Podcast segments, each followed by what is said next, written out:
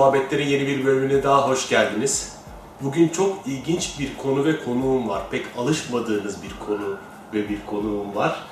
Ee, alışkın olmadığımız. Ee, çok sevgili Kerim Güzeliş, Ariş Pırlanta'nın e, sahibi kendisi ve e, hani belki rastlamışsınızdır internette veya e, gezerken olabilir ya da bir arkadaşınızda görmüşsünüzdür.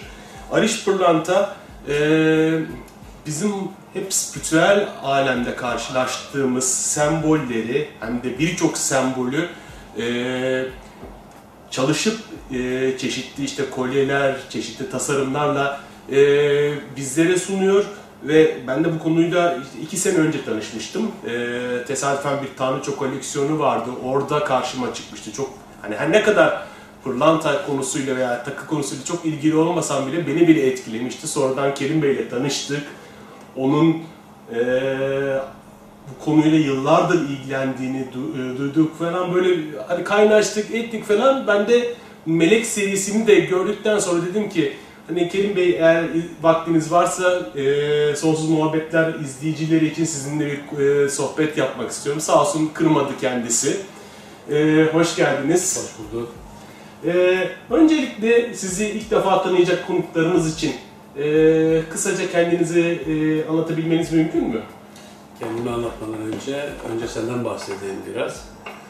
Ee, Hasan Bey'in dediği gibi iki yıl önce bir tesadüf bir ortak arkadaşımız vasıtasıyla kendisiyle tanıştık. Ee, son zamanlar karşılaştığım spiritüel bir birikim ve bilgi adına ve bunu hazmetmek adına e, en değerli gördüğüm kişi olarak bunu sizin Kızarım. yani Çok teşekkür ederim. Size karşı söylemiyorum gerçekten de hem bilgi birikiminiz hem birçok konuyu araştırmış olmanıza rağmen bunları çok kafanızı karıştırmadan bunlar güzel kütüphanenize tasdik etmişsiniz. Bir kere bunu Çok söyleyeyim. teşekkür ederim. Çok sağ olun. Ee, bunu da kabul etmemin nedenlerinden bir tanesi sırf size sohbeti etmiş olabilmek için yani bir fırsat yaratmış olmak için. Ayrıca da bütün yazılarınızı, paylaştıklarınızı çok memnuniyetle, çok keyifle, çok zevkle izliyorum. Hatta bunu söylemekte de e, söylemekte fayda görüyorum. Bazı konuları işlediğinizde orada veya beraber sohbet ettiğinizde baktım ki benim e, takip etmediğim birkaç konu, birkaç başlık o başlıkları da takip etme fırsatı buldum. Ayrıca da bana o hediye etmiş olduğunuz bir set vardı. O setten de hem kuantum adına hem diğer e, spiritüel bilgi adına çok istifade ettiğimi Çok belirtmek istiyorum. Biraz kızardım kusura bakmayın. Şunu kapatalım.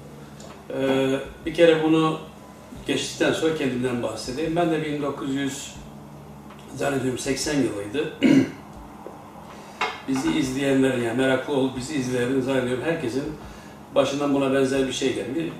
Bir, köşe diyorum. Bir köşeye geliyoruz. Orada bir yol ayrımı e, oluşuyor. Ben de böyle bir köşeye herhalde geldiğimde bir yol ayrımına gelmiş oldum. Ve o zaman e, biz tesadüf diyoruz tabii. Yönlendirmelerle bu konuyla tanışmış oldum. E, bu vesilede üstadımı, bana bu bilgileri aktaran abimi özellikle bir şekilde dile getirmek istiyorum. Rahmetlik İbrahim Asil'le bir şey uzun zamandır tanışıyorduk ama bu konuyla bu kadar yakın ilgisi olduğunu bilmiyordum. Onunla tanıştıktan sonra e, kendimi bu konunun içinde bulmuş oldum. Herhalde yapım itibariyle de e, bir şeyi araştırıyorsam, bir şey yapıyorsam en güzelini yapmaya, en iyisini yapmaya e, çalışıyorum. Bu benim karakterimde var olan bir şey. O zaman konuya dahil olunca deliler gibi araştırma yaptım, okudum, gittim, geldim, düşündüm, yorumladım vesaire vesaire. Ve orada tabii e, bahsettiğim İbrahim Bey'in de yönlendirmesi, ben diyorum herhalde tanıdığım insanlar içinde dünyanın en güzel, en iyi insanlarından bir tanesiydi. Ve bu bilgiyi, bilgiyi hiçbir şekilde bakın bu benim için burası çok önemli. Kibir adına, e, bilmişlik adına hiçbir şekilde kullanmadık. Kaldı ki tam tersi büyük bir tevazu içinde, büyük bir e, özveri içinde hep vererek, hep vererek hiç almayı da kabul etmezdi, veremezdiniz de.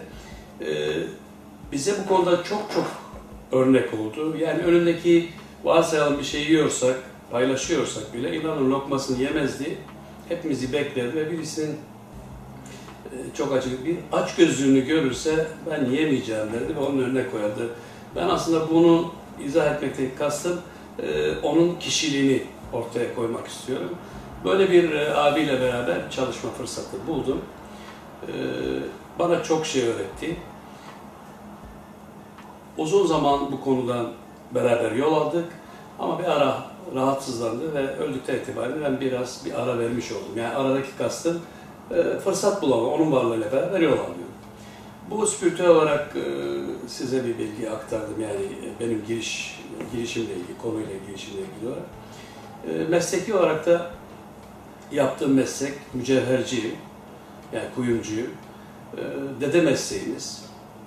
Orada da baba, daha sonra babamız, babamızın mesleği ve ben neredeyse 6-7 yaşından beri babamla beraber çalışarak devamlı ama okurken bile hem eğitim gördüm hem de e, çalıştım.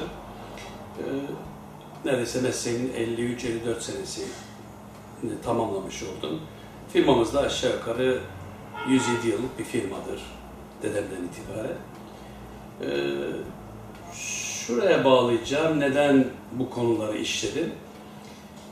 Dedemiz ve babamız bize şunu öğretmişlerdi. Hep bu konuda örnek olmuşlardı. Herkesin yaptığını yapmayın. Eğer orada herkes size doğru da gelmişse sizin yaptığınız bir şey, siz oradan uzaklaşın, farklılık yapın. Yani düşünün ta o zamandan e, bir inovasyondan bahsediyor ve rekabetçilikten kaçmanın yollarını öğretmişlerdi bize. E, ben bununla ilgili olarak hep yenilikleri, hep farklılıkları ve kimsenin yapmadığını yap, yapmaya çalıştım. E, ve orada başarımın sırlarından bir tanesi de hem budur hem de e, yoğun konsantrasyon ve çok çalışmayı da ve severek çalışmayı da ilave etmek istiyorum. E, bu konular doğrultusunda, bu öğrendiğim bilgiler doğrultusunda uzun zamandır içimde bu bilgileri de bir şekilde sanatıma ve şu ürünlere e, aktarmalıyım diye bir düşünce vardı. Biz bir ekibiz tabii burada ve firmada bir ekibiz. Bilhassa tasarım ekibiyiz. Ve tasarımda 8-9 kişiyiz. Bizde her birimden bir kişi orada bulunuyor. Müteahhit defalar bu bilgilerimizi mümkünse şeye aktaralım dedik. Yani tasarım olarak, koleksiyon olarak bunları aktaralım dedik. Ama her seferinde arkadaşlar bunlar sizin özel konularınız, siz bunlarla özel ilgileniyorsunuz e, nazik bir şekilde. Bunlar insanları pek ilgilendirmiyor. E, yaparsak biraz konum itibariyle veya verdiğimiz mesaj itibariyle e, çok doğru olmaz falan gibi beni her seferinde ikna ettiler. Ama benim içimde bu konuda bir arzu, bir istek, bir aşk vardı. İlk olarak bundan 10 yıl önce Esma-i Hüsna'yı yani onu da kabul ettirmemin nedeni şuydu onlara. Ee, Esma-i Hüsna'yı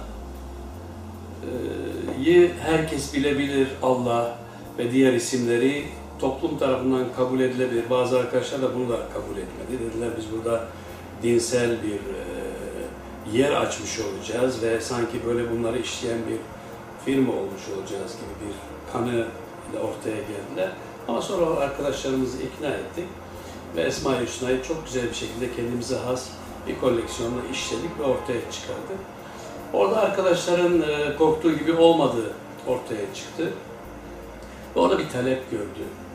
Ee, ve insanlar ilgilendi, arkadaşlarına hediye aldı, tavsiye ettiler. Ee, bundan biraz cesaret aldık.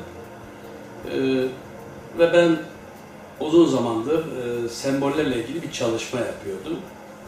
Arşiv topluyordum, bilgi topluyordum. Onları ortaya çıkarmak istediğimde de arkadaşlarım biraz ona karşı çıktılar tekrar.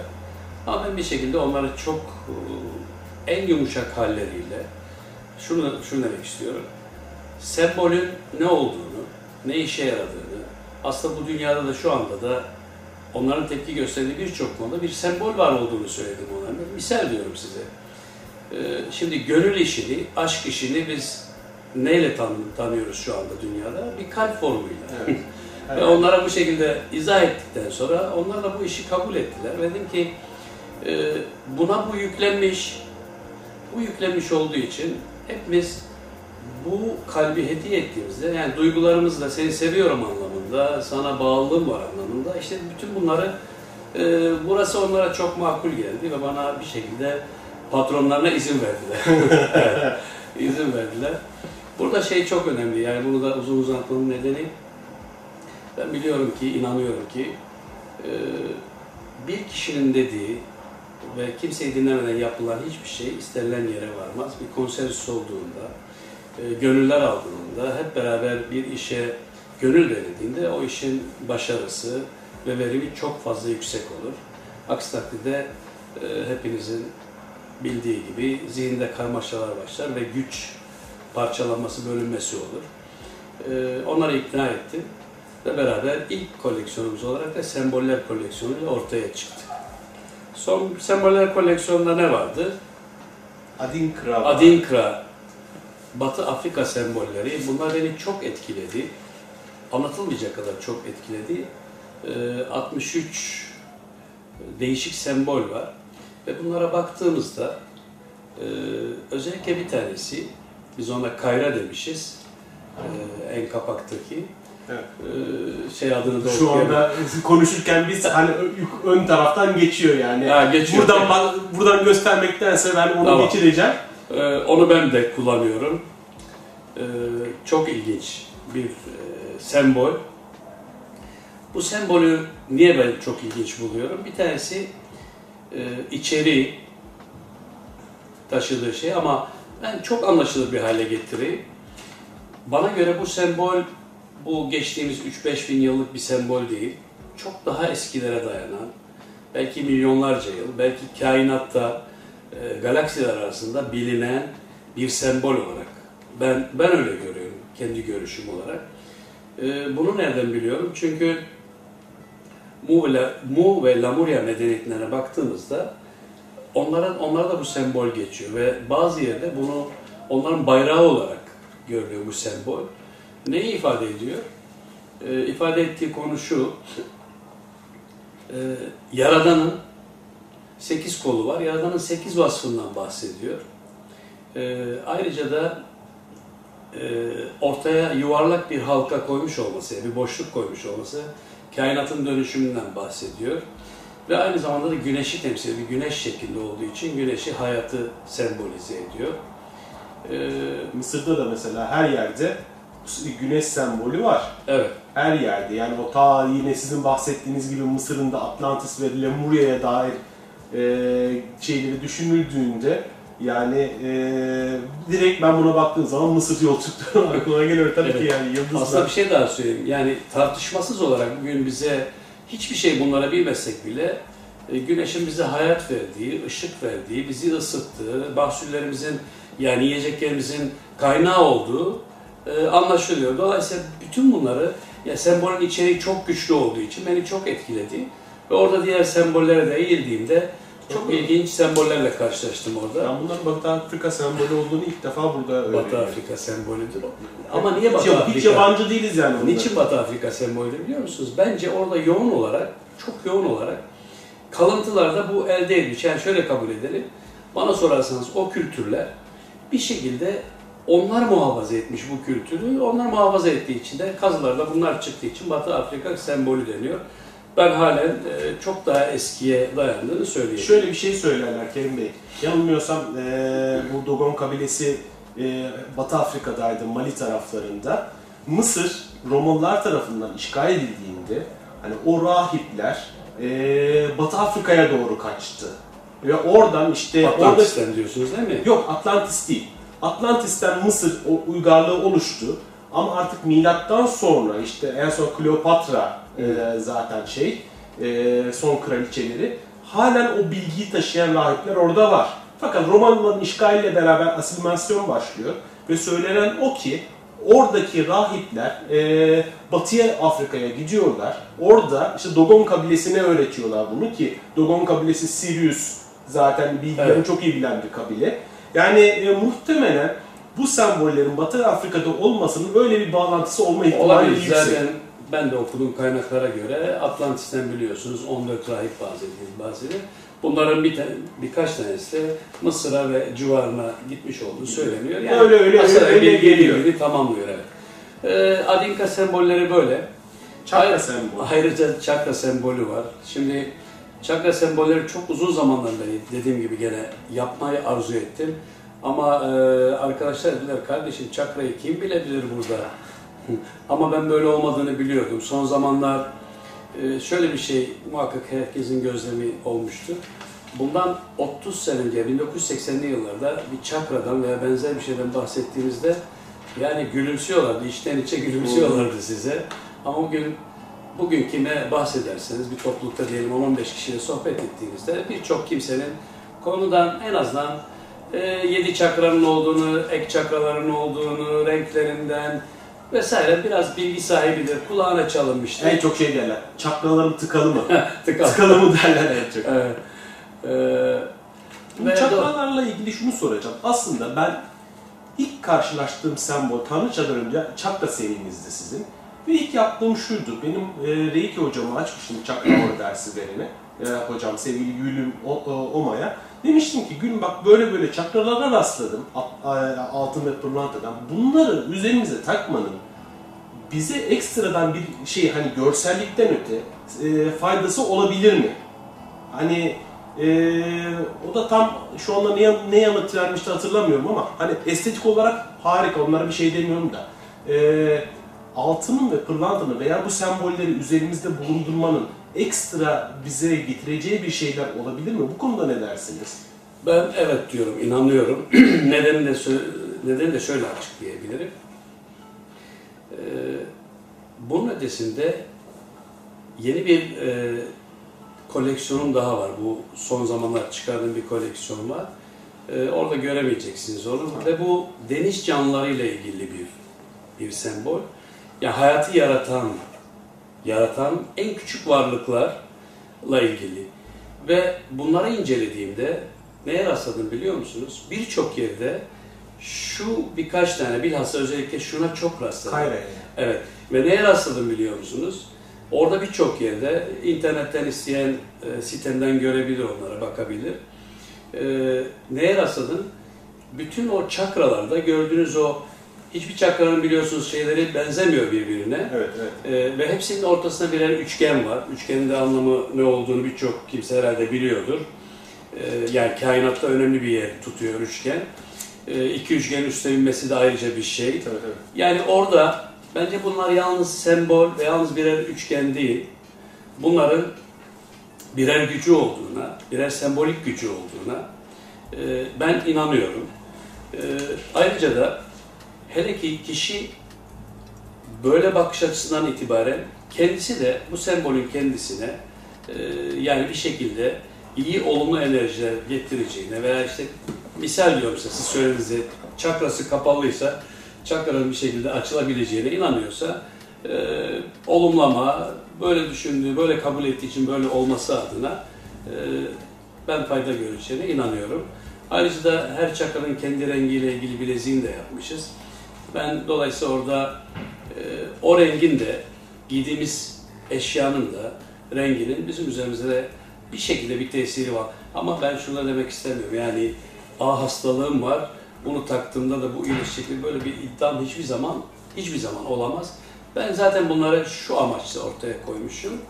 Ee, iyileştirmesinden öteye, iyi gelmesinden öteye bir bilinç oluşturmak. Yani bu konunun içindeyse adam kendi kendi e, burcunu biliyorsa, kendi çakrasını biliyorsa, etkin çakrasını biliyorsa e, bu konuda almak isterse bunu alır, takar, konuşur, konu olmuş olur.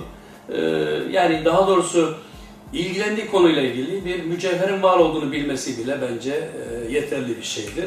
Yapılmamış bir şey şu anda dünyada, ortaya konmamış bir şeydir. Ben bunu da aldığım bilgi doğrultusunda yaptığım meslek itibariyle birleştirmeyi çok uygun gördüm. Mesela yaşam çiçeği sembolü. Evet. Benim en çok e, arkadaşlarımda gördüğüm sembol. Onun çok güzel bir tasarımı var sizde pırlantalı. Biz mesela, Mısır'a gittiğimizde ki ben ilk defa Abydos Tapınağı'nda görmüştüm onu. e, yaşam çiçeğinin sembolünü ki çok derin anlamları var. Çok çok yani o, onun üzerine yani kitap da var iki Evet. ciltlik. Mesela doğru Yaşam bir- çiçeği diye. Evet, Bir- yaşam çiçeği ama hani çok güzel bir örneğini bulmak mümkün olmamıştı. Ama şimdi burada baktığımda eee, çok böyle altından ve pırlantalı çok güzel bir şey var. Tabii her ne kadar benim için bir parça daha şey olsa da eminim bayanlar için son derece etkili.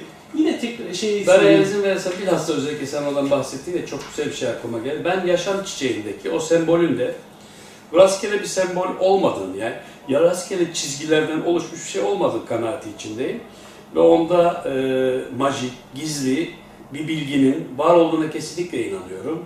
Hatta ve hatta e, öyle söylerler ya bütün konuştuğumuz her şey, düşündüğümüz her şeyin bir matematiği var olduğu ve ve bir şekilde sembolize olduğu söylenir. Ben o sembolle ilgili olarak da bunun takıldığı zaman, kullanıldığı zaman, evde bulundurulduğu zaman e, olumlu birçok şeyi daha olumlu olacağına inanıyorum. E, yani bu birçok kimseye garip gelebilir çünkü ilk duyuyor olabilirler. Ama Feng Shui nedir? Nedir? Ne olmuş bir eşyanın yerini değiştiriyorsun, olay farklılaşıyor. Ee, eğer bir eşyanın yerini değiştirebiliyorsan veya oraya bir mum yakabiliyorsan veya bir ışık verebiliyorsan e, olay değişiyorsa neden bir sembol bazı olayların akışını Tabii değiştiremez? çünkü Feng, Feng Shui'nin mantığı da şu aslında yani orada siz onu gördükçe yaratım gücünüzü oraya yüklüyorsunuz ve yaratıyorsunuz siz orada. Yaratıcı enerjiyi e, açığa çıkartıyorsunuz aslında. Yani yoksa sadece oraya bir tane mum yakmanın şeyi değil. Orada gördükçe yaratıyorsunuz ve sonuç, sonuçta üzerinizde bir sembol taşıyorsanız e, ya da bu sembolü sürekli görüyorsanız elbette ki o sizde bir tetiklenme yaratacak da burada mesela hayat kolyesi diye bir şey gördüm. Ben burada bakıyorum hani bir yandan tanrıçayı görüyorum çünkü boynuz Aynen. insanlık tarihi boyunca Dört bir- element biliyorsunuz o. hepsi var. Burada bir de böyle baktığınızda bir kadın var. Bir insan. İnsan var, insan var. Ee, aynı zamanda yaşam çiçeğinin üzerinde şey o kabala sembolüdür. Kabala Üzerindeki o gördüğünüz kabala sembolüdür. Ee, yani çok ilginçtir. Ee, zaten onu e, araştırırlarsa görecekler. Kabala sembolü de yaşam çiçeğine oturduğunda birbirine tam örtüşür. bu böyle tasarımı tasarımı böyle değil mi? Yani iki yaşam parçalandır, iki parçalanır. Bir üst Birbirine parçası geçmeli mi? Ha. tabii üst parça, iki parça üstte oturuyor. O da çok ilginçtir.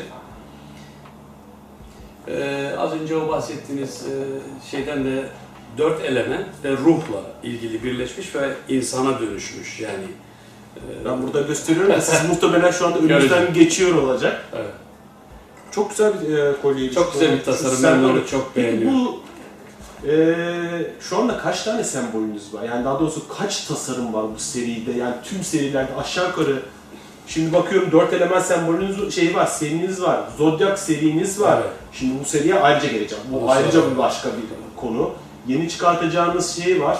Yani 200 Valla aslında çok büyük bir hazırlığım var arkadaşlar. Beni devamlı frenliyorlar. Orada durduruyor. Aman diyorlar daha bunları toplum benimsemedi, kabul etmedi. Sen daha çok karıştıracaksın zihinlerle. Ben de nedense bir an önce bunları e, bir şekilde ortaya koymak, vermek ve ilgilenen kişilerin bu konuda ya birbirlerine hediye vermeleri adına ya kendilerine edinme adına e, olmasını istiyorum ama e, zannediyorum bu konuda ne kadar bir bilgi varsa, bir sembol var ise ve benimsenen, kabul edilen onlarla ilgili epey çalışma. Mesela bir Reiki'nin sembolü de var, onu da yapmışız. Hı. Bu konuda birkaç yerden eleştiri almıştım. Reiki'nin sembolü ne yapıyorsun diye. şeyleri mi? E, birinci, ikinci, üçüncü sembolleri Evet. mi? He, çok orayı falan. Orada da göreceksiniz zaten var o şeyde semboller kitabında. Evet, o tabii Reiki'nin sembolleriyle ilgili şey Bir om sembolü var. Epey Evet. şey var. Evet şey, yani bayağı bir 200'ü aşkın diyebilir miyim? Ee, şu anda evet 63, 200'e yakın bir sembolüm var. 200'e yakın sembol var. Tabii bu sembolleri incelemek isteyenler sizin web sitenize gire, gire- girebilirler. Şimdi eee, yeni bir serisi var eee, Kerim Bey'in çalıştığı Arış Pırlanda'nın Melek serisi. Yani Ben de eee, tesadüf ettim yine web sitenize bakarken gördüm ardından eee, sizin Bağdat Caddesi üzerindeki mağazanızda oturdum, inceledim. Ve az önce Kerim Bey'le konuşurken hani bu Melek serisi nasıl çıktı, nasıl araştırmalar yaptı öyle ilginç bilgiler var ki. Öncelikle bu Melek serisi nereden Ee, yani yine aynı şekilde başladı da neden meleklere ilgi duydunuz? Söyleyeyim. Ben daha önce bahsettiğim o arkadaşlar izin vermiyordu. Nasıl ikna ettim? İkinci ikna şeyim de e, biliyorsunuz bu şeyde kıyametin kopmasıyla ilgili bir şey vardı ya. Onunla ilgili olarak da evet, Ha, 2012. dedim ki bakın bir bilinç oluşturalım bununla. Arkadaşlarımızı bu şekilde biraz ikna ettim. Da ben yeri gelmişken de söyleyeyim. e, hiçbir zaman bir e, kıyamet olacağını hiçbir zaman inanmamıştım. Halen de inanmıyorum. Ama bir kıyamın olacağına inanıyorum. Bir ruh kıyamının olacağına, bilinç kıyamının olacağına inanıyorum ve bununla ilgili olarak da çoktan beri e, başlamış olduğuna inanıyorum. Hatta ve hatta da e, bu konularında bunu da e, bu kıyamda, bu bilinç açılımında etkisi olacağına inanıyorum. Melekler de benim araştırma konum içindeydi. E, o da şöyle bir ilginçlik oldu. Bir konuyla ilgili araştırma yaparken karşıma melekler çıktı. Ve meleklerle ilgili nedense soru sormaya ve araştırmaya başladım. Bundan 10 yıl önceydi. Ee, nereye baktımsa bakmayın bugün kaynaklar çok fazla ulaşabiliyorsunuz yani. O tarihte sorabileceğiniz belli kişiler vardı veya alabileceğiniz bir kitap şeklinde vardı. Ve ben ne kadar araştırdımsa çok e, mahdut bir oranda bir şey, e, bilgi önüme geldi. E, niçin istiyordum? Şu zaman zaman e, okuduğum eserlerde bazı melek rütbeleri geçiyordu. Hatta e, bazen yedi melekten, dokuz melekten bahsediliyordu. E, bu melekler hangileridir diye araştırma yapıyordum, soru soruyordum. Ne ruhani e, liderler bunu bize verebildi ne de e, dışarıdan arkadaşlardan alamadım. Ben de nedense bunu bir araştırma konusu yaptım. Ve araştırınca biliyorsunuz önünüze çıkıyor. Ya bir arkadaş size bir kitap getiriyor ya siz bir şekilde önünüze geliyor. E, bu konuda da e, görünmeyen bir şekilde yardım aldığımı demek istiyorum. E, düşününce önüme bilgiler geldi ve ben ilk olarak da bir ilk yedi melekten başladım. En çok bilinen, tanınan melekten, meleklerden başladım. Çok özel bir şekilde tasarladık. Yani kendimize has bir çizgiyle tasarladık. Ee, Birçok arkadaşım gene bahsetti. Dedi bunlara isim koymayalım, yani adlandırmayalım. Melekler diye çıkalım. Dedim o zaman bir anlamı olmaz. Biz meleklerin ne yaptıklarını bilmek adına adlandırdık ve görevlerini koyduk. İlginç bir anımı sizle paylaşmak istiyorum. Ee, nedense gene bu toplantılar içinde e, ya şey e, Azrail'i koymayalım. Azrail'i kim satın almak ister? Benim de Evet. bakarken kim, onu gördüm kim yani. satın almak ister? Bence hiç kimse satın almak istemez. Ve eğer bunu yaparsak e, diğerlerini de etkiler ve hiçbir tanesi satılmaz dediler. E, bu tamamen satış üzerine olan bir kaygıydı. E, beni bir şekilde ikna ettiler. Ben peki dedim madem ki uygun görmüyorsunuz bir sonraki seride çıkaralım, ikinci seride çıkaralım. Melekleri seçtik ve tam e, yani servis edeceğimiz anda ben bir rüyayla bir rüya gördüm ve orada e, gördüğüm rüyanın etkisiyle e, baş melek Azrail'de koymam gerektiğine kanaat getirdi ve onu ilk yedi meleğin içine koymuş olduk. Zaten Azrail'e baktığımızda ya yaptığı görev bizi aslında Yaradan'a kavuşturuyor. Bizi yorgunluktan kurtarıyor. bizi acizlikten kurtarıyor ve ışığa doğru götürüyor bizi. Ee, görevi de zaten bu benim dediğim gibi de rengi hepimizin bildiği gibi karanlık değil, kara değil, siyah değil. Rengi çok e, kırık bir beyazdır. Ben buradaki metni okuyabilir miyim? O tabii okuyabiliriz. Ee, Azrail, yeniden başlamak istiyorum. Tarotta da ölüm kartı aslında yeniden başlama kartıdır. Az tam da olmuyor. Huzur ve saflığı çağrıştıran beyaz renkte oluşumu, dönüşümü, yeni başlangıçları ifade eden döngü sembolüyle yorumlanmıştır. Ruha yardımcı, yol gösteren ve huzur veren melektir. Ölüm korkusundan uzaklaştırır, yeni başlangıçlara, yenilenmeye ve tamamlanmaya yardımcıdır. İnsanların huzur ve ışık içinde dünyadan ayrılmalarına yardımcı olur. Ee, yani olmamış olsaydı ne kadar büyük bir ızdırap içinde olacağımızı tahayyül edip Evet, evet. daha da çok e, yani açıklaması var. Biz tabii özetin özetini orada çıkardık. Ve şunu söyleyeyim biz servis ettikten itibaren e, baş melek Cebrail'den sonra en çok talep edilen e, Azrail oldu. Azrail Yani Çünkü neden biliyor musunuz? Şundan dolayı. e, bu açıklamayla herkesin zihnindeki o ne yazık ki yerleşmiş o kötü imaj yani eli oraklı, siyah, yüzü görünmeyen vesaire gibi imaj yerinden kalkıyor E, ve ben alırsam alırsam bu meleği alırım diyorlar. Peki mesela şurada e, siz tabii ki çok yoğun araştırmalar sonucu bulduğunuza eminim. Mesela İsrafil şifa meleği. E, şimdi bizim e, kendi mitolojimizde İsrafil'in farklı bir görevi vardır. Bu İsrafil'in şifa meleği olması mesela nasıl bir e, kaynak yorumlanmasından oldu? Şimdi hiçbir e, meleğin tek bir görevi yok. Aslında bakın şöyle bir şey de var. E, Birçok konuyu işlerler ama en çok en çok yoğunlaştığı demek daha doğru olur. Tabii biz İsrail ne biliyoruz? Kıyamet. Kıyamette surla ilgili o çalacağı ve bir şeyle ilgili olarak biliyoruz. E, Böyle bir görevi muhakkak vardır. E, Madem oraya yazılmıştı. Ama diğer bahsettiğim görevleri de alt görev olarak geçiyor. Ee, Biz bunu belki bazen geride olan bir şeyi öne almış Hı. olabiliriz. Anladım. Ee, Yani açıklaması bu şekilde. Evet, şifa meleği İsrafil. iyi hissetmek istiyorum. Barış meleği Mikail'i çalışmış e, Arış Pırlanta. Düzen ve uyum istiyorum. Bilgelik meleği Zatkiel. Bilmek ve anlamak istiyorum. Bereket meleği Ariel. Hayatıma bereket istiyorum. Huzur meleğini okumuştuk. Güç meleği Sandalfon.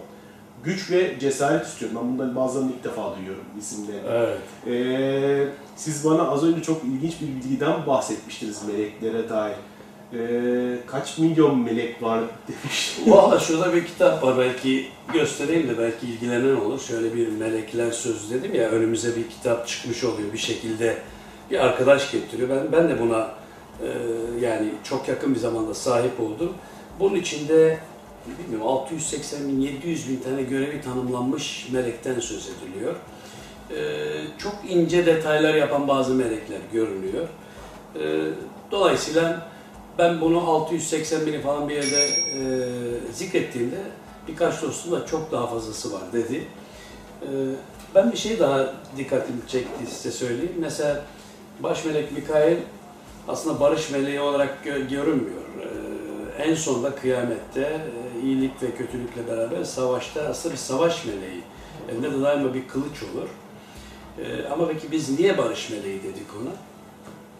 Biz aslında bu savaşın, bu yapılacak savaş da demek belki yanlış olur. Ee, Bu güç gösterisinde netice itibariyle e, sonrasında barışın gelmesi, düzenin gelmesi ve iyiliğin yer etmesi üzerine olduğu için işte gene burada da biz neyi koymuşuz orada? Bir Evet. savaş meleği dememişiz, bir barış meleği demişiz. Ve baş melek Mikail biliyorsunuz bütün meleklerin başıdır, lideridir. Aşk meleği var, Çamuel. Aşkı ve mutluluğu yaşamak istiyorum. İçinde de Ank var. Her Evet. meleğin zaten melek Ee, sembolün ortasında. Onları, onlar meleklerin orijinal sembolü değil. Hı. Orijinal sembolü değil. O sembolleri biz bir şekilde ona yakıştırdık. Yani Anladım. e, onu da söyleyeyim orada bir yanlış bilgi olmasın. E, her birisinin aslında bir sembolü vardı. E, ve bildiğimiz semboller değil, bir yazı dizisiydi. Biz nedense bu yazı dizisi çok ağır gelir diye o yazıyı ve diziyi koymak istemedik, dizilimi koymak istemedik. E, ona e, görevine ithafen yakışan bir sembolü daha uygun gördük. Ben şunları okumak istiyorum. Çok ilgimi çekti çünkü. İnsanlık meleği Metatron. İçimdeki gücü keşfetmek istiyorum. Şans meleği Barakiel. Şans ve başarı istiyorum. Güzellik meleği Jophiel. Güzellikleri yaşamak ve yaşatmak istiyorum. Başarı meleği Jehudiel. Başarılı olmak istiyorum. Değişim meleği Jeremiel. Hayatımı olumlu yönde değiştirmek istiyorum. Güneş meleği Oh. Sağlıklı ve aydınlık bir ömür istiyorum. Koruyucu güç meleği Adoniel, korkularımdan arınmak istiyorum. Bunları gerçekten bazen ilk defa duyuyorum. Oh mesela Evet. yani. Ork mu diyor, ork mu diyor? Oh, Ork. OCH. OCH. OCH. Burada tabii Yine e, seriler devam etse mesela Varlık serisi var. Varlık kolyesi, küpesi, Beş Dilek kolyesi yani ben buraya erkek halimle geldiği için e, biraz hani bakıyorum güzel geliyorum ama muhtemelen bir e, kadın olsaydım daha çıldırırdım yani bunların görüntülerini çok Biz şöyle yapalım Hasan'cığım. Oradan biraz daha bir bahsedeyim hani bir Tabii. şey. Sonra da istersen biraz sohbet edelim yani. tabii tabii tabii. Şimdi, Hayattan bahsedelim. tabii. Ee, ben bu vesileyle şöyle diyelim açıkta reklamlar geçidi bitmiş olacak bu konuyla. Aslında reklam ne demek değil. Ee, bir şekilde bu biz çok emek sarf ettik. Çok severek çıkardık bunu. Ben kendim adına çok heyecanla çıkardım bunları. Ve ben çok satıp çok para kazanmaktan değil. Bunlar yerini bulursa çok çok hoşuma gidiyor. İnanın diyorum e, bazen bir tek taş satıyorlar 10 bin dolar. E, işte x karı yapıyoruz ama bana ne zaman birisi gelip de şu melek bir tane satıldı dedi ben çok mutlu oluyorum. Yani sadece şeyi anlatmaya çalışıyorum. Aradaki farkı bir de bir şey daha söyleyeyim. Ben biliyorum ki daha önce arkadaşlarla sohbet ettiğimizde e, bu konuda biraz eleştirisel bilhassa spiritüalizmle ilgilenenlerden eleştirisel bir şey alıyorum ama onların zannettiği gibi ben bir ticari kaygı içinde değilim. Bilhassa bilhassa bu işler, bu koleksiyonlar ve bunları yapmak inanın bize bir kardan ziyade zaman çok kaybettiriyor ve karların ötesinde bütün bahsettiğimiz bunlar yerine iki tane, üç tane, beş tane büyük tek taş sattığımızda çok daha fazla ticari olarak daha çok kazanıyoruz ve onları da çok daha rahat satabiliyoruz. Çünkü böyle bir talep var. Ee, bunu bir ticari kaygıyla yapmadığımı ortaya koymak istiyorum. Bu bizi heyecanlandırıyor ve gene dediğim gibi bilgiyi ile beraber mevcut olan bilginin bunlar da unsurları e, diye. E, çok ilginç birkaç şey daha var. Yani ne kadar ilginç şeylerle uğraştığımızı anlatmak istiyorum. Belki parmağında görülüyordur. Bu benim rahmetlik annemin parmak izidir. Hı. Ve annem hayattayken bir şekilde parmak izini aldım. Ee, ve bunu bir şekilde işte olan bir anı olarak taşıyabiliyorum. Bu da gene çok e, zor yapılan bir iş. Bizi çok uğraştıran bir iş. Yani bunun yerine inanın diyorum 100 parça daha çıkarabilirsiniz ticari olarak. Çünkü kişiye ait Evet. el izini bir şekilde tarattırıyorsunuz, üzerine uğraşıyorsunuz. Bunun gibi e, çok farklı ürünlerin üzerinde yani normal yaptığımız e, mesleğimizin ötesinde bunlar hep bizim hobilerimiz, kişilerin arzu edip kişisel olarak alacakları şeyler noktayı koydum. Eyvallah. Şimdi biraz sohbet edelim. Şimdi, şimdi bir ara verelim. Ondan Tamam. sonra ikinci bölümde e, sohbetimize devam edeceğiz. Sonsuz muhabbetler devam ediyor.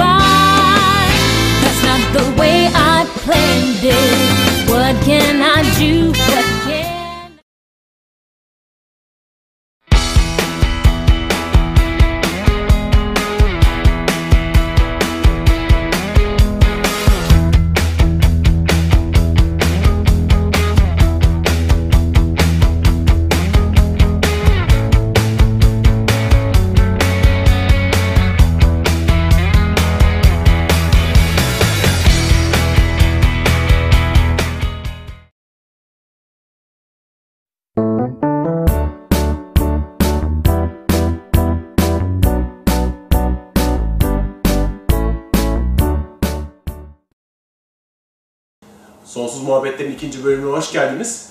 Ee, sevgili Kerim Bey ile e, Kerim Güzel işte e, sohbetimize devam ediyoruz. Şimdi bu noktada hani e, daha farklı bir konudan devam etmek istiyorum. Sizin iş tecrübeniz e, ve yoğun ve e, hatta seminerler de veriyorsunuz bu konuda. E, spiritüel bilgilerin sizin iş yaşamınızda e, size kattıkları ya da nasıl söyleyeyim size ilginç getir- getirileri ya da ne bileyim belki de götürüleri oldu mu? Ee, muhakkak tabii ki olmuştur. En azından şunu söyleyeyim, bilgiler bana ezberde yaşamamam gerektiğine birçok şeyin farkına varmış olmamdan dolayı çok mutluyum bilgileri aldım. Yani bilgiden önce bilgiden sonraya gittiğimde şöyle değerlendirebilirim. Öncesinde biraz ezbere yaşıyordum gibi kabul ediyorum kendimi. Niçin? Toplum, arkadaşlarım, herhangi bir şey, bir olay, e, medyadaki çıkan baskın bir olay bizi oraya doğru sevk ediyor. Biz de hepimiz beraber tercihlerimiz olan onun peşine gidiyorduk. Ve burada bir değerlendirme yapamıyorduk. E, Neyi yapıp neyi yapmamak, bana hangisi uygun, neden yapmalıyım, neden yapmamalıyım gibi e, bilemiyor. Yani madem arkadaşlarım çoğu yapıyor, ben de yapmalıyım gibi. Madem e, bu da yaşamın bir parçası, bunu da yapmalıyım gibi. E, bunu söylerken tabii gençliğimizde yapmış olduğumuz birçok hata, bu şekilde yaptığımız hata, yanlışlıklar e, vardır. Ama tabii bilgiden sonra e, bilgiyi hazmetmişse kişi neyi alıp almadığını da bilmiyorum. Eğer onu doğru benimsemişse o bilginin ışığında hareket etmiş oluyor ve e, ne yapacağını hepsi için diyemiyorum, kendim için adına söylüyorum ama birçok şeyde daha kontrollü. Kontrol da şöyle demek istemiyorum ya ben kendimi kontrol altına aldığım değil.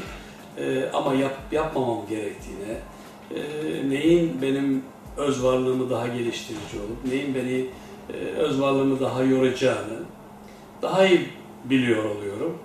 Bir de e, eskiden bilgide aldığım, edindiğim yani e, bilginin bana yeterli olmadığını ben fark ettim o tarihe kadar. Öğretilen şeylerin e, dinsel olarak söylüyorum.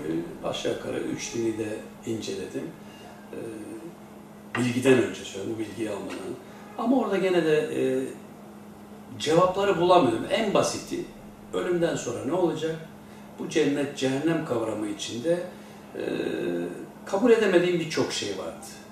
Ama bilgiyle beraber en azından kendime göre cennet, cehennem, ölüm, e, tekrar doğuşu bir yere oturtabilme, bir anlam verebildim bu işe. Benim için en önemlilerinden bir tanesi buydu.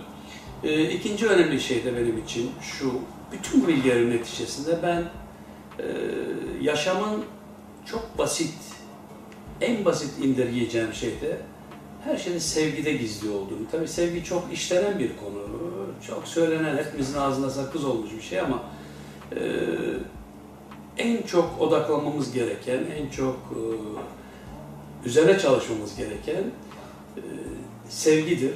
Bunu zaten açtığınızda hemen ego ile karşılaşacaksınız. Bunu biraz daha açtığınızda e, ne kadar zor olduğunu göreceksiniz.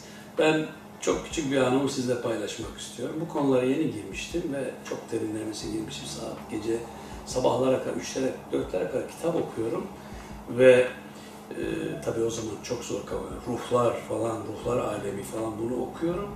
Tabii bütün çevrem, abim daha kafayı yediler. Hiç sıyırdı bu. Ee, bir gün abim görev aldı yani herhalde yönlendirildi aile tarafından. Yani dedi ki ilgilenecek ben dedi. Neyle ilgileniyorsun abim? Şöyle şöyle bunlarla bunlarla. E bunun, bunu olursa ne olacak? Şunu olursa ne olacak? Bunu olursa ne olacak? En son nereye varacak? Bir e, o zamandan da aldığımız e, eğitimin içinde bir çok basit beş düstur vardı. İyilik, doğruluk, çalışmak, bilgi ve sevmek diye. E, bu düsturları çok iyi e, odaklanırsan, bunları benimsersen ve uygulayabilirsen, ya hayatın sırrı burada gizliydi gibi. Ben de bu kadar soru soruyorum. E, netice itibariyle bunları yaparsak işte hayatın sırrına, işte huzura, hem bu dünya hem de dünya falan. Dedi kardeşim, ne var bunda? Bundan daha kolay ne var? Hemen kendisi üzerine yorum yaptı. Dedi ki ben bak iyiyim.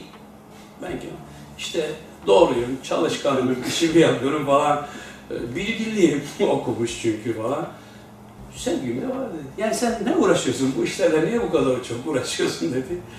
Tabii o zaman kendisi hiç hakikaten biraz epey sohbet ettik ama bir türlü bunu kabul eden bu kadar basit beş kelimeyle ilgili olarak da e, anlamakta çok zorlandı.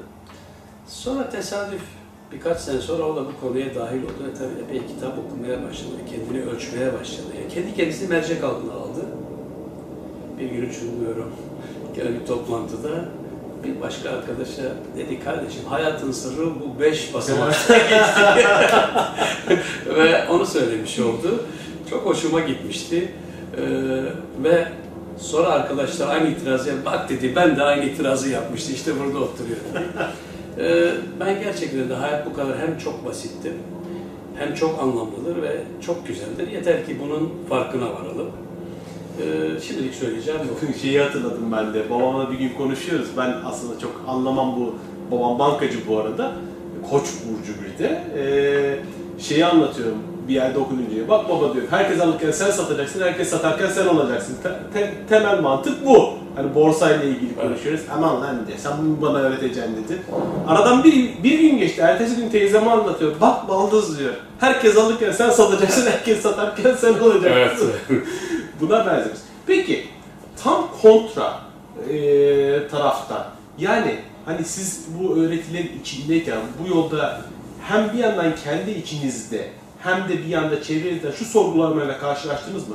Yaptığınız iş gayet dünyevi, gayet maddi dünyaya ait bir iş. Ama bir yandan da hani manevi bilgilere karşılaşıyorsunuz bu dünya bir illüzyondur falan gibi şeylerle biliyorsunuz bu bilgileri. Hiç bunların e, içinizde sıkıntısı oldu mu ya da kendi içinizde sorgulamalar oldu mu? Çünkü bu bilgilerin ilk girenlerin takıldığı bir noktadır o. Hatta işte ben ne yapıyorum falan deyip her şeyini darmadağın edip her şeyini dağıtıp evlerini, şeylerini biliyoruz Çok yani güzel 95 bir yer. 95 yıllarda ben bunlarla karşılaştığımda görün bilgiyle karşılaşıyor, her şeyini dağıtıyor. İşte kendisi böyle tek başına bir küçük bir eve gidip yerleşeyim de öyle yaşayayım diyen insanlarla karşılaşıyoruz. Ben de çok yanlış bir algılamadan kaynaklanıyor bu. Sonradan çok pişman oluyor. Ne Evet, yaptım? ne yaptım başlıyor. diye yapıyor. Hani oturup e, Karşıda, karşı tarafta da onu sövmeye hazır çok insan var. tabii tabii. Ee, ben bu konuda tabii herkes gibi muhakkak ben de bir e, 3-4 travma geçirdim demeliyim diyorum da zaten. İlk başta buna da geleceğim. İlk başta bir e, bilgi travması geçiriyoruz. Yani ego, ki- kibir. Yani sanki biz bunları biliyoruz, başkası bilmiyor. Bilmemek yani bunu bilmiş olmak aslında sadece okumuş olmak diyorum. Bilmiş olmak demek idrak etmiş olmak demektir. E o zaman idrak ettiğimi de iddia etmiyorum. Bugün de iddia etmiyorum. Ee, okumuş olduk, bir bilgi sahibi olduk ve bizi bir falan. Bunu hem çok rastladım hem de muhakkak ben de zaman zaman arkadaşlarıma yapmış olabileceğime inanıyorum.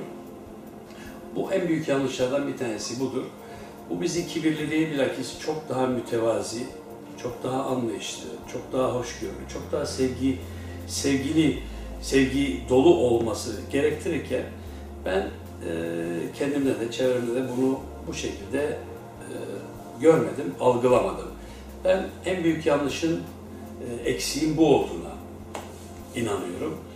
E, ikinci eksik de oradaki algılamada sizin az önce söylediğiniz gibi e, ya artık işte bu son yaşamım olsun, bir daha gelmeyeyim, bu son imtihanım olsun, ben artık dünyayı sevmiyorum, işte e, dünyayı sevecek şeyleri de yapmayayım, işte sinemaya da gitmeyeyim, güzel yemek de yemeyeyim, restoranta da gitmeyeyim falan. E, ben imkanı yoksa bunları yapsın demiyorum ama herkes imkanı doğrultusunda e, dünyayı, lezzetleri, yemekleri, imkanlarını değerlendirmeli. Burada bir ölçü söz konusudur. O ölçüyü ne olursa olsun kaçırmamışsa bence hayat çok güzeldir, çok olumludur, çok e, paylaşılırdır. Ama bunları ne zaman ki biz e, aşırıya kaçarsak, benim az önce verdiğim örnekte, hadi artık giyinmeyelim, e, işte yemek de yemeyelim, e, işte bütün varlığımızda ne varsa e, uyduruk yerlere verelim. Tamam ben ama ben bu şekilde hiçbir insanın tekamül edip gelişeceğini ve bir daha da dünyaya gelmeyeceğine hiçbir şekilde kabul etmiyorum. Kaldı ki ben de bu hataya düştüm bir kere onu söyleyeyim. Hataya düştüm. Aynı hatanın içine düştüm. Ve aynı şeyleri söyledim. Çünkü bir şablondur ve bir şablon beni etkiledi. Ve belki çok aşırı bir şey yapmadım ama ben de burada biraz gezindim. Sonra hayatın e, bu şekilde algılandığı zaman iki türlü sorun çıkıyor. Bir tanesi e, ruhunuza, egonuza çok aşırı baskı yapıyorsunuz. Bu aşırı baskıdan illaki illaki içten bir patlama hissetmeseniz bile içten büyük bir kabarıklık ve bir rahatsızlık var. O fırsat bulunca su yüzüne çıkıyor ve ben bununla örnek olarak da işte çok sakin görünenler, hep sakin olun diyenlerde de çoğu zaman aşırı bir tepki. Evet. Bende de bakın şöyle oldu. Benim yapımda aşırı sinirlilik hiç yoktur. Daima bir kontrol, bu bilgiyi almadan önce de yoktu. Çünkü dingin bir insandı. Herhalde dinginliğim de şeyden geliyor. Yani tezgahta uzun saatler çalışabilirim. 15-20 saat, 25 saat aynı işi yaparım. Sakin bir şekilde yapabilirim. Ya o bende bir dinginlik yaratmış olduğunda hayatta da çok aşırı tepkilerim yoktu. Ama konuya girdikten sonra böyle olmalı, şöyle olmalı, şöyle baskılamalıyız, öyle yapmalıyız, böyle yapmamalıyız deyip kendi öz varlığıma herhalde çok fazla cendereye sıkıştırdım ve hapsi, hapsettim onu. Hapsettiğimde dikkat ettim zaman içinde beni hiç rahatsız etmeyen, hiç duymadığım şeyleri duyar oldum. Yani bir korna sesinden anlatılmaz rahatsız olmaya başladım. Bir küçük gürültüden, bir cızırtıdan anlatılmaz rahatsız olmaya başladım. Eğer biraz sürerse aşırı tepki vermeye başladım. Yani ben özellikle en basit şeyden başladım. Bunu anlattığımda birçoğumuz e, zannediyorum bir şeyler çağrıştıracak birçoğumuzda bu olmuştur. Sonradan ne zaman kendimi baskılamaktan vazgeçtimse e, kendimi daha rahat bıraktım E, ve yapılması gereken, yaşanması gereken, olması gerekenlerin birçoğunda yer et, aldıktan itibaren çok daha relax, çok daha uyumlu, çok daha az sinirlenen, çok daha yani sevgiyi e, daha benimsedim, daha çok yansıtır oldum. Bir şey daha söyleyeyim bununla beraber. E, daha eskiden bir şekilde bir şey anlattığınızda, bu konuyla ilgili anlattığınızda nedense bir şey var, sözünüz yerini bulmuyor. Yani gönüle giremiyor diye. Ama belli bir dinginlik içindeyseniz, belli bir e, bilgiyi almış benimsemişseniz e, en küçük vereceğiniz e, küçük mesajlarda hemen yerini buluyor ve, ve insanlar sizi dinliyor. E, ben bu anlamda kendimi hep sorguluyorum, halen sorguluyorum. Devamlı sorguluyorum. Bu gene geçmişten bir kalıntı mıdır? Bunu yenebilir miyim? Herhangi bir e, eksiğimi gördüğümde, kusurumu gördüğümde yapabilir miyim? Onu hep sorguluyorum. Bu zaten bitmez bir olaydır. Devamlı sorgulanması gerektiğini de bir de bu anlattıklarımda birçoğumuz da herhalde e, buna benzer birçok olayı birçoğumuz hatırlıyoruz ve yaptıklarımızı tekrar gözden Genellikle de aslında burada hemen o az önceki konuda suçluluk duygusu hakim oluyor. E, diyebiliriz. Tabii, tabii özden gelmiyor o. Bir anda suçluluk duygusuyla yapıyor ve suçluluk duygusu dediğiniz baskıyı yaratıyor. Baskı yaratıyor. Ve öyle e, bir yandan da şunu siz anlatırken kuyumcu tezgahının baş, şeyde tezgahta saatlerce çalışabilirim derken aslında e, Anadolu toprağının sahip olduğu bir kültürden kültür beni çağrıştırdı. Sonuçta siz bildiğin Mardinliydiniz Evet. yanılmıyorsam. Şimdi Anadolu'nun e, bir hamuru var ve aynı zamanda bir gelenek var burada. Yani o gelenek geleneğin aktarılması var ve bu hamurlardan ortaya çıkan bir e, şeyin üzerine siz bunu inşa ettiğinizde yani kültürün üzerine siz bunu inşa ettiğinizde yeni oturuyor. Bu noktada ben Anadolu'nun çok önemli bir noktada olduğunu düşünüyorum. Yani dünyanın önemli bir noktası olduğunu Doğru. düşünüyorum. Bir, sadece kültürel anlamda değil, ruhsal kültür anlamında da çok önemli bir noktada olduğunu düşünüyorum. Ee, siz 80'lerde başladığınız için bu yolculuğa olduk yani hepimizden çok kişiden daha e, eskisinizdir. Peki nereye doğru bir gidişat görüyorsunuz? Hani o zamanlardan e, bugünlere nasıl gidiyorsunuz? Anadolu kendinin bu ruhsal e, zenginliğinin farkına varıyor da insanlar yoksa sadece biz batıdan gelen bir e, ne bileyim modayı mı takip ederek spiritüelliğe girdik? Ne dersiniz? Ee, Birincisi Anadolu'dan bahsettiniz. Ee, Ona ben de bir, bir şey katmak istiyorum. Birkaç kaynakta birkaç kaynakta çok önemli bilgi vardı ve bu beni çok etkiliyor. Bu bilhassa e, bu bilginin birkaç tanesi daha eski kökenlidir. Yani benim konuya girmeden önce 1966'larda, 67'lerde söylenmiş bilgiler hem Türkiye içinde söyleyeyim hem yurt dışında Anadolu'nun bu e, aydınlanmada, bu spiritüel konularda dünyanın aydınlanması hususunda çok önemli görev yapacağı bir lider olacağı birkaç kez geçmişti. Gene de dış kaynaklardan bazı dostlarımız kanalıyla böyle bir bilgi gelmiş olduğunu söylemişlerdi. İnanın o zaman için bunu kabul etmek biraz zordu. Neden zordu? Çünkü Avrupa'yı, Amerika'yı falan bilhassa o tarihte gözümüzde çok büyütüyorduk ve biz çok eksikliği görüyorduk her şeyi. Ee, o, o zaman itibariyle biraz zor gibi görünen bugün e, 2013'te 2014'te girerken bunun olabileceğini e, idrak daha idrak edebiliyoruz Aynen. olabilirliğini. Aynen. Kaldı ki e, dünyada görülen işte ekonomik gelişmelerle, sosyal gelişmelerin, tabii sosyal gelişmeler önemli ama ekonomik e, kalkınmayla bunun bir olmadığını, bambaşka bir şey. Aslında gene yeri gelmişken şunu söyleyeyim. E, zannediyorum yeni dünya düzeni kurulurken, ya bahsedilen aydınlanma ile ilgili olarak e, mevcut bu sistemler herhalde yeterli olmayacak. Orada bir bam- bambaşka bir şey geçerli olacak.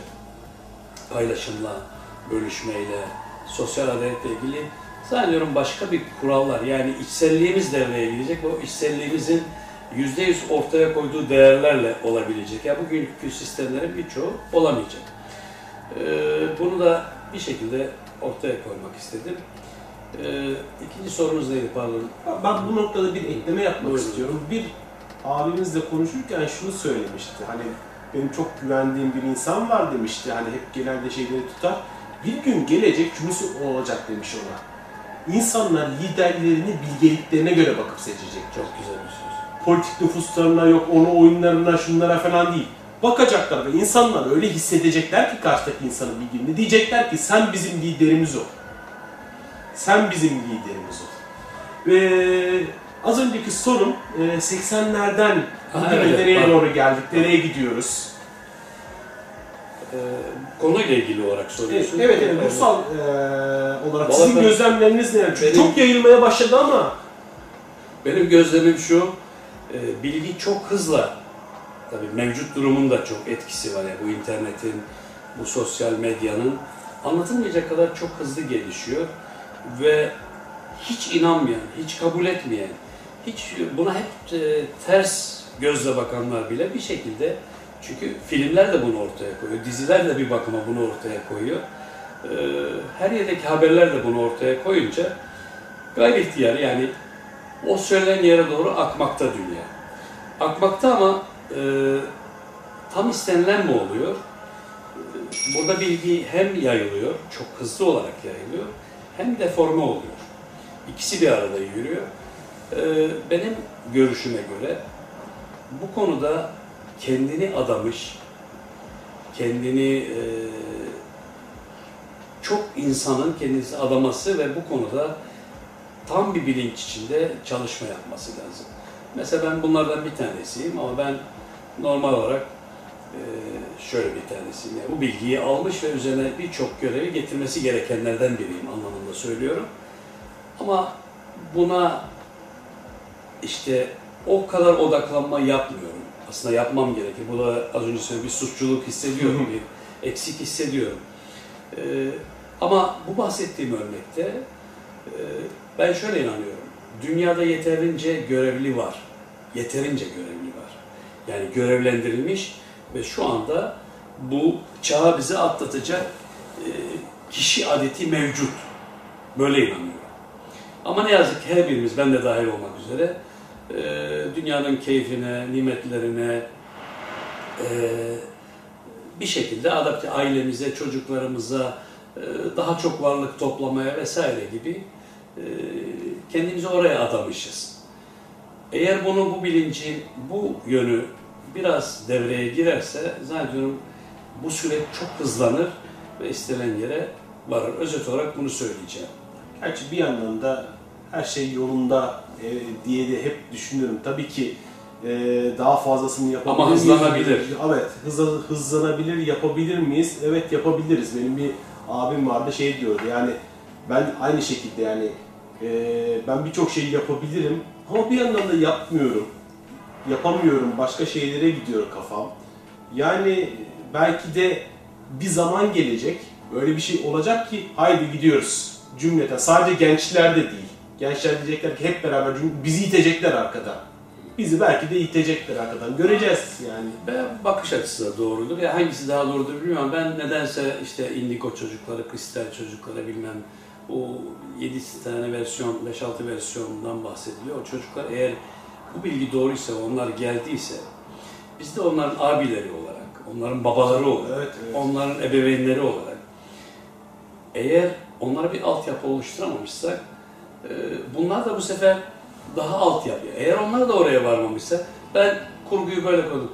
Zaman zaten çok önemli bir şey değil. Yani bize göre çok önemli ama kainata göre önemli bir şey, izafi bir şeydir. Tabii, tabii. Yani bugün olsa ne olur, bin sene sonra olsa ne olur, üç bin sene sonra olsa. Bu bakış açısından da baktığınızda çok önemli bir şey değil. Hepimiz dediğiniz gibi yaşamamız gereken şeyleri yaşıyoruz. Ve bu bugünkü zaman aldığımız için de şu kadar zaman alabilir, daha kısa olabilir.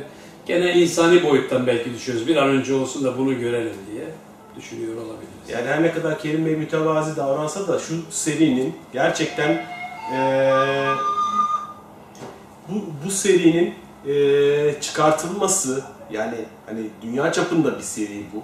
Gerçekten dünya çapında. Hani eee, çeşitli yerlerde yurt dışına da gittiğimiz zaman bu sembolleri incelediğimiz, araştırdığımız için biliyoruz.